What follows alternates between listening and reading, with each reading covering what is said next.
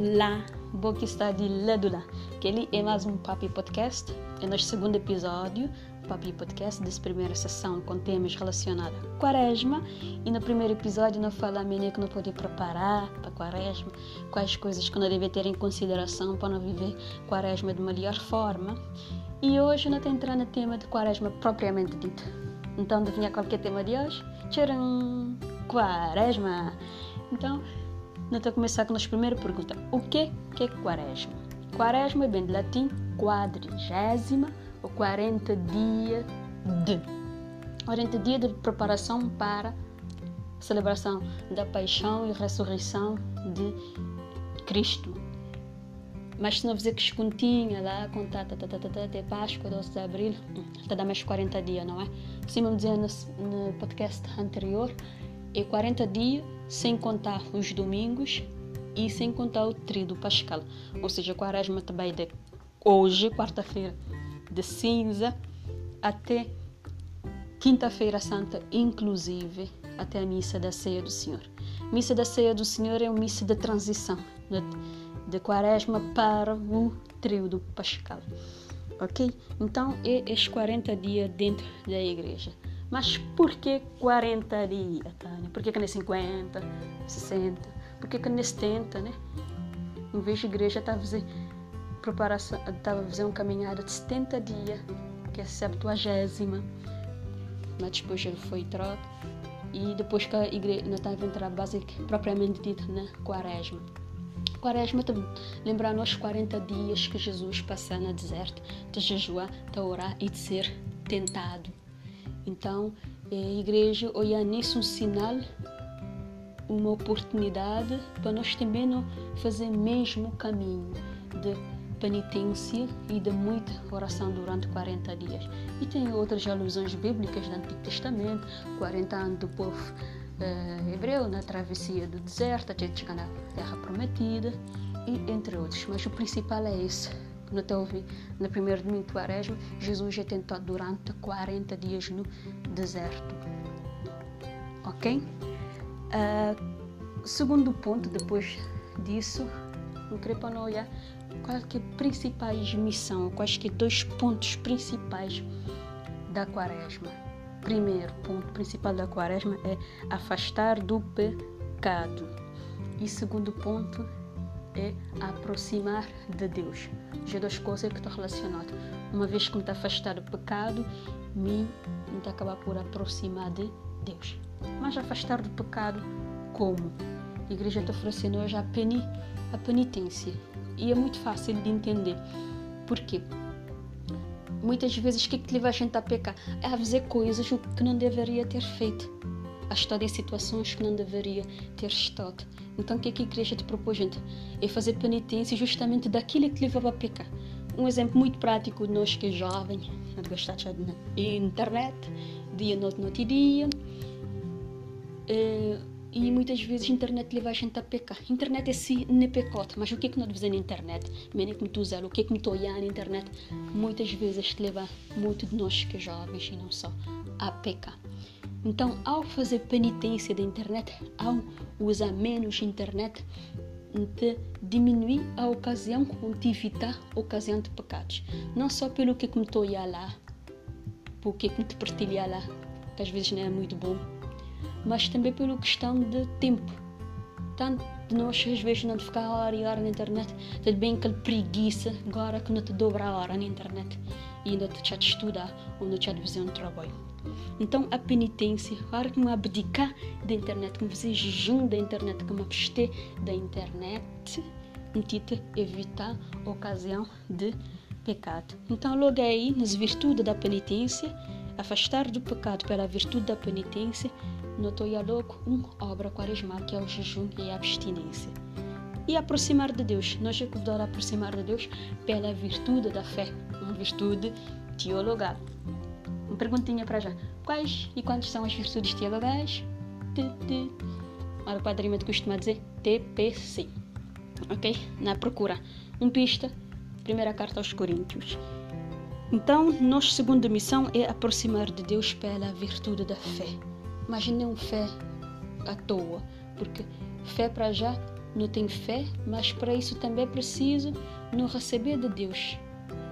Deus é o autor da fé, Ele que dá-nos a fé. É graça, né? São Paulo diz é a graça.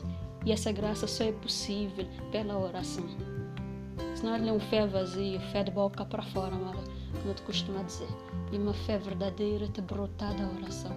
E quanto mais boa te rezar, mais boa fé te aumentar. Quanto mais boa fé te aumentar, mais vou querer rezar.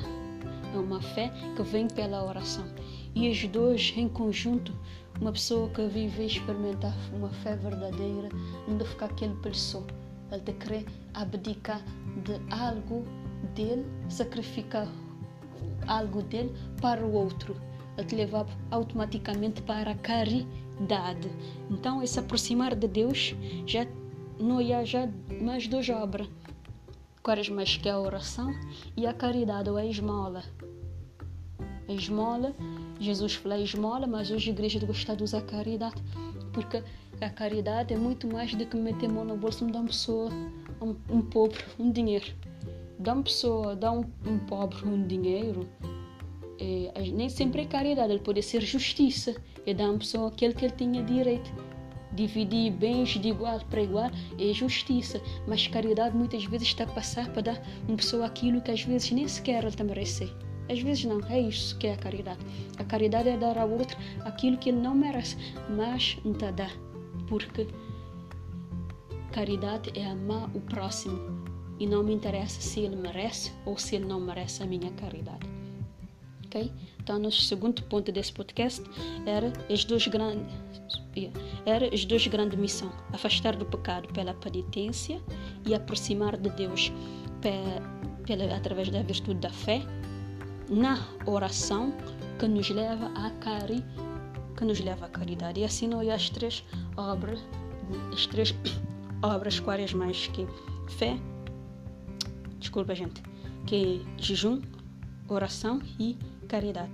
E ainda queria lembrar, para além das mais obras que, não pode, que a igreja te oferecer, que leva a gente a lembrar a gente de durante essa época são as obras de misericórdia, que são quantas? São divididas como? Não poder dar um, uma olhada, ok?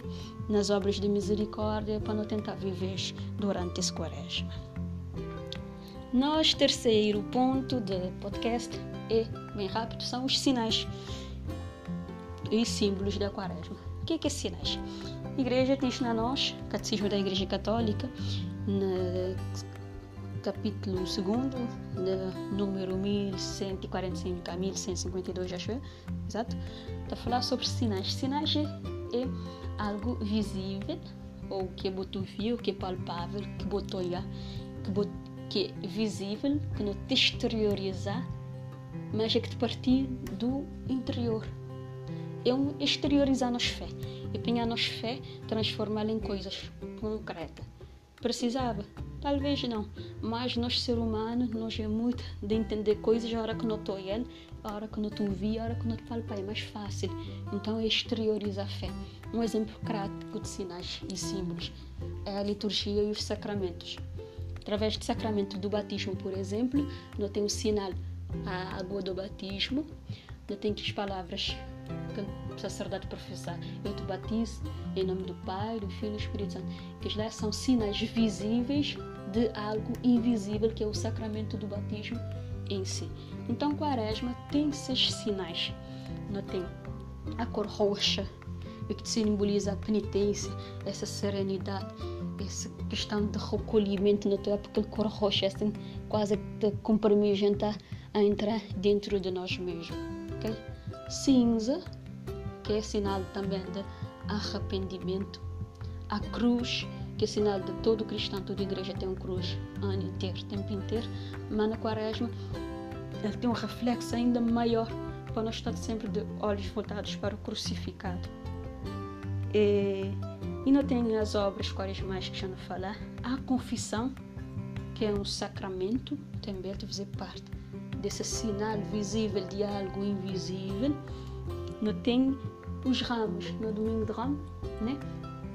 que ainda dentro de quaresma, não costuma levar nos ramos para ser apresentado e benzido durante a missa de domingo de ramo. ok? Então, que li alguns sinais que nós não exteriorizar e que te leva a gente a refletir o sentido da quaresma.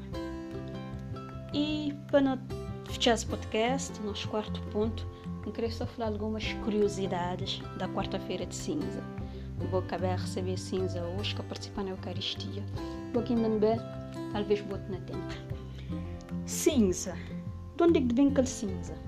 Cinza ele também de, de ramos, domingo de ramo ano passado, que os é que é que foi benzido, sacerdote ou quem que prepara a cinza, te queimar aqueles ramos, transformar em cinza, e depois o sacerdote te benzer aquele cinza e ele é imposto na nós, lá nos testa, ok? Cinza é, é, é também de ramos, de domingo de ramos do ano passado, que é queimado.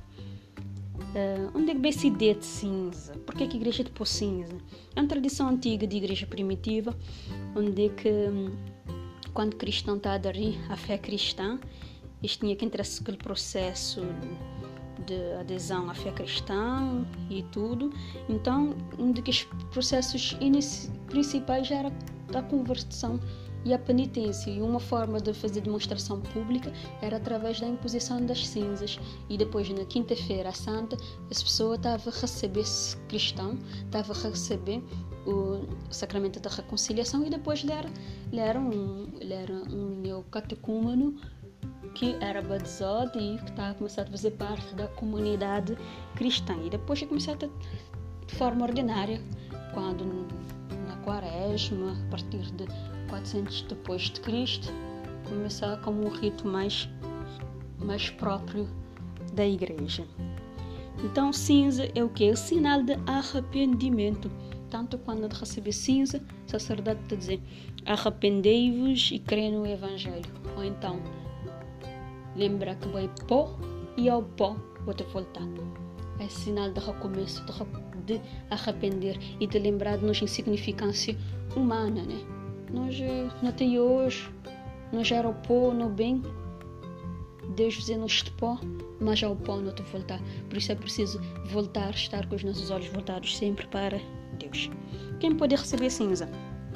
Tu gente pode receber cinza, ok? Ele é um sacramental, ele não é um sacramento, então qualquer pessoa quiser receber, cinza. Mas a gente tinha uma pergunta: vale a pena receber as cinzas se bobo não tem nenhuma pretensão em fazer entre esse caminho de arrependimento? Porque é isso que cinza significa arrependimento. Se não tem nenhuma intenção em fazer esse tempo quaresmal de conversão e penitência, vale a pena receber cinza? A mim não estou que não. Até porque ele é uma missa, quarta-feira de cinzas, não é uma missa de preceito. Ou seja, não é uma missa que eu obrigo a dar bem né? Hora que nos nos procede de igreja, santificar os domingos e festa de guarda. No domingo ele não festa de guarda. Então, se bom vai para a missa de quarta-feira de cinza, não é pecado, ok? Mas para quem que quer trilhar esse caminho de arrependimento, vale a pena vai para a missa de quarta-feira de cinza, porque é o ponta, é é que sabe, aquele jogada, aquela entrada que te dá nós, aquele impulso, lembrar de nós, nos insignificância quando precisar. E nós demonstração cima que os cristãos na igreja primitiva estava a apresentar na, na comunidade cristã dizendo me queria arrepender. E quarta-feira decidi para isso. Me queria trilhar esse caminho de arrependimento. E por último, quarta-feira de cinza é dia de jejueiros e abstinência ou não? Na Santo aprender que sim. Na Santiago moia que nem tanto. Mas a igreja tem ensinar é, é assim é o dia obrigatório, quarta-feira de cinza e sexta-feira santa da paixão, a igreja é obrigatório, pelo menos naquela idade, que é permitido, 18 anos, 60 anos, condições, de nenhuma privação, fazer jejum e abstinência, eu tenho que fazer jejum porque é cristão na quarta-feira de cinza e na sexta-feira da paixão. E nas sextas-feiras, não fazer abstinência da carne, ok? E não vejo um padre partilhando a mim, a outros cristãos que estavam, né? Eu estava no ensaio, então estava a explicar porque que na Santiago tem aquele hábito, às vezes, de exceder, né? É uma questão cultural que tem a ver com a nossa história e tem a ver com a história de formação do povo cabo-verdiano santiaguense, né? Tem tudo uma história por detrás disso. Mas não levar sempre a mente, nós é cristão, não tem que viver aquilo que a igreja te propõe.